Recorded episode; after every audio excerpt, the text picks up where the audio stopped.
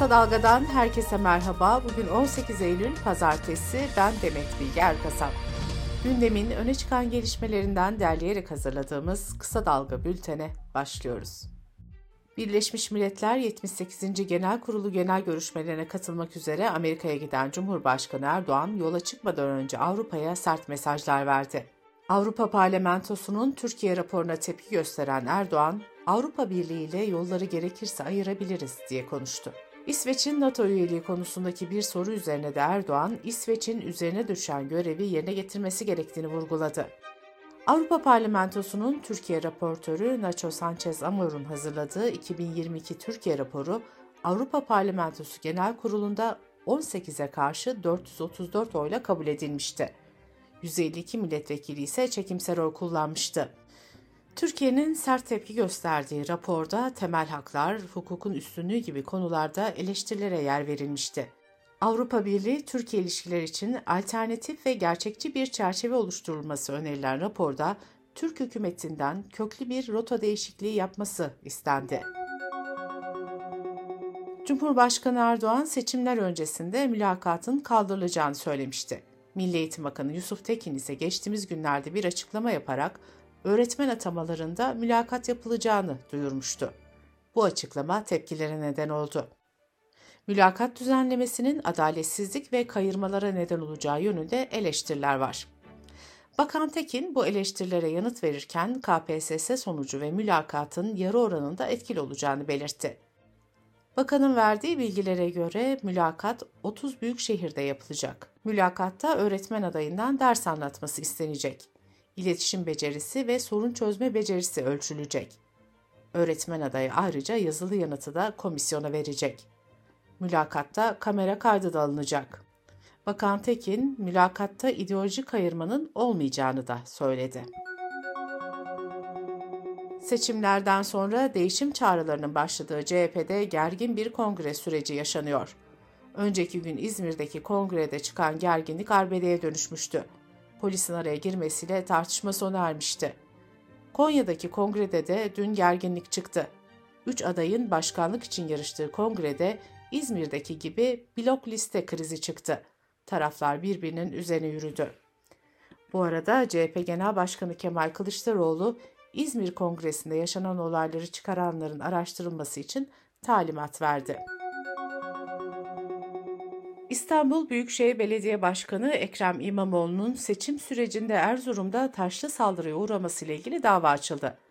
Oda TV'nin haberine göre mahkemeye sunulan iddianamede 15 mağdur, 20 müşteki ve 28 sanık yer aldı. Sanıklar hakkında silahla kasten ve basit yaralamaya teşebbüs suçundan 2 yıldan 9 yıla kadar hapis cezası istendi. Öte yandan İmamoğlu hakkında AKP'li Tuzla Belediye Başkanı Şadi Yazıcı'ya hakaret iddiasıyla açılan davada beraat kararı çıkmıştı. Yazıcı'nın avukatları bu karara itiraz etti. Mahkeme davanın 15 Aralık tarihinde duruşmalı olarak görülmesini kararlaştırdı. Kısa Dalga Bülten'de sırada ekonomi haberleri var. Merkez Bankası faiz kararını Perşembe günü açıklayacak. Hafize Gaye Erkan Başkanlığındaki yeni Merkez Bankası yönetimi seçimlerden itibaren politika faizini 16,5 puan yükseltti ve %25'e çıkardı. Para Piyasası Kurulu Ağustos ayında piyasayı şaşırtarak 750 bas puanlık artışa gitmişti. Eylül ayı için piyasa beklentileri politika faizinin %25'ten %30'a yükseltileceği yönünde. Bazı ekonomistler ise geçen ayki Şahin adımın sonrasında merkezin Eylül'de daha sınırlı faiz artırımına gideceğini belirtiyor. Emeklilerin kök maaşlarına zam gelmesine karşın en düşük maaşın artış göstermeden 7500 lirada kalması eleştiri konusu olmuştu. Hükümetin emeklilere 5000 liralık emekli ikramiyesi vereceği öne sürülmüştü. Türkiye Emekliler Derneği Genel Başkanı Kazım Ergün, Cumhuriyet Bayramı'nda emeklilere verileceği öne sürülen ikramiyenin miktarının en az 10 bin lira olmasını istedi. Ekonomik kriz barınma krizini derinleştirirken ev sahipleri ve kiracılar arasındaki anlaşmazlıklar mahkemeleri kilitlemişti. Hükümet ev sahiplerinin yapabileceği zam oranını %25'te sınırlı tutsa da sorun çözülemedi. Mahkemeler kira anlaşmazlıklarıyla dolunca Adalet Bakanlığı çözümü arabuluculuk sistemiyle bulmaya çalıştı. Adalet Bakanı Yılmaz Tunç'un verdiği bilgilere göre uygulamanın başladığı ilk 15 günde 12 bin başvuru yapıldı. Dış politika ve dünyadan gelişmelerle bültenimize devam ediyoruz. Avrupa Birliği'nin Ukrayna tahıl ürünlerine uyguladığı yasak kaldırıldı. Ukrayna'dan Polonya, Macaristan, Romanya, Slovakya ve Bulgaristan'a tahıl ürünleri ithal edilmesine dair yasak kararı dün itibariyle sona erdi. Macaristan ve Polonya çiftçilerini korumak için Ukrayna tahılına kısıtlamanın uzatılmasını istiyordu. Rusya-Ukrayna savaşının başlamasıyla Ukrayna, Doğu ve Orta Avrupa ülkelerine tahıl göndermeye başlamıştı. Ucuz olan Ukrayna tahıl ve gıda ürünleri bu ülkelerdeki çiftçileri rahatsız etmişti. AB'nin geçici kararıyla Polonya, Macaristan, Romanya, Slovakya ve Bulgaristan Ukrayna'dan buğday, mısır, koza ve ayçiçeği ithal etmiyordu. Afganistan ve Suriye'de gerçekleşen saldırılarda ölen ya da yaralanan ABD'li asker ve aileler adına Halkbank ve Reza Zarrab hakkında Amerika'da tazminat davası açıldı. Davada Zarrab ve Halkbank'ın saldırılara yardım etmek ve saldırıları içeren bir kompleye katılmaktan sorumlu tutulması istendi. Sözcü gazetesinden Razi Canikligil'in haberine göre Zarrab ve Halkbank'ın terörle mücadele yaptırımlarını aşarak İslam devrim muhafızlarına bağlı olarak bilinen İran Ulusal Petrol Şirketi'nin terör operasyonlarını finanse etmesine yardımcı oldukları iddia edildi. İngiltere hükümeti Rus paralı askerlerinden oluşan Wagner grubunu resmen terör örgütleri listesine aldı. 2000 tarihli terör yasası kapsamında Wagner destekçilerine 14 yıla kadar hapis cezası, mal varlıklarını dondurma veya el koyma gibi tedbirler uygulanabilecek. Wagner'e ve toplantılarına katılmak, desteklemek, kamuya açık alanlarda Wagner'i temsil eden armalar, logolar taşımak da suç sayılacak. Libya'da etkili olan Daniel kasırgası sonrasında yaşanan sel felaketi nedeniyle hayatını kaybedenlerin sayısı 11 bini geçti. En az 10.100 kişinin kayıp olduğu belirtildi. Libya'da yardım çalışmaları devam ederken salgın hastalıkların ortaya çıkmasından da endişe ediliyor.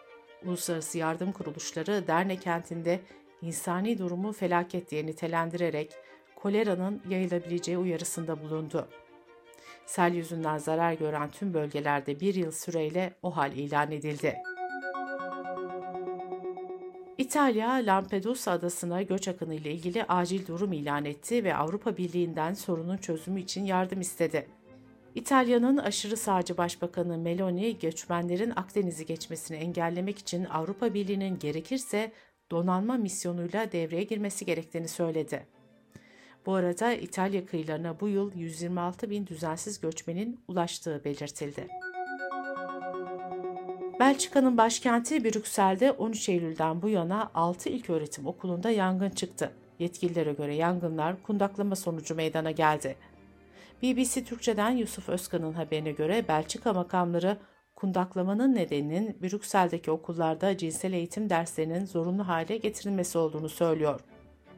Belçika Federal Hükümeti kriz merkezindeki görüşmelerin ardından okulların yangınlara karşı korunması için önlemler aldı. İrlanda sosyal medya platformu TikTok'a 345 milyon euro para cezası verdi. The Guardian'ın haberine göre 18 yaş altı kullanıcıların içeriklerinin kamuya açık olmasını önlemeyen TikTok, genel veri koruma tüzüğünün birden fazla maddesini ihlal etmiş oldu. Bültenimizi kısa dalgadan bir öneriyle bitiriyoruz. Gazeteciler Ayşe Yıldırım ve Sedat Bozkurt Politikest'te CHP Genel Merkezi'nde olan biteni konuşuyor. Politikest'i kısa dalga.net adresimizden ve podcast platformlarından dinleyebilirsiniz.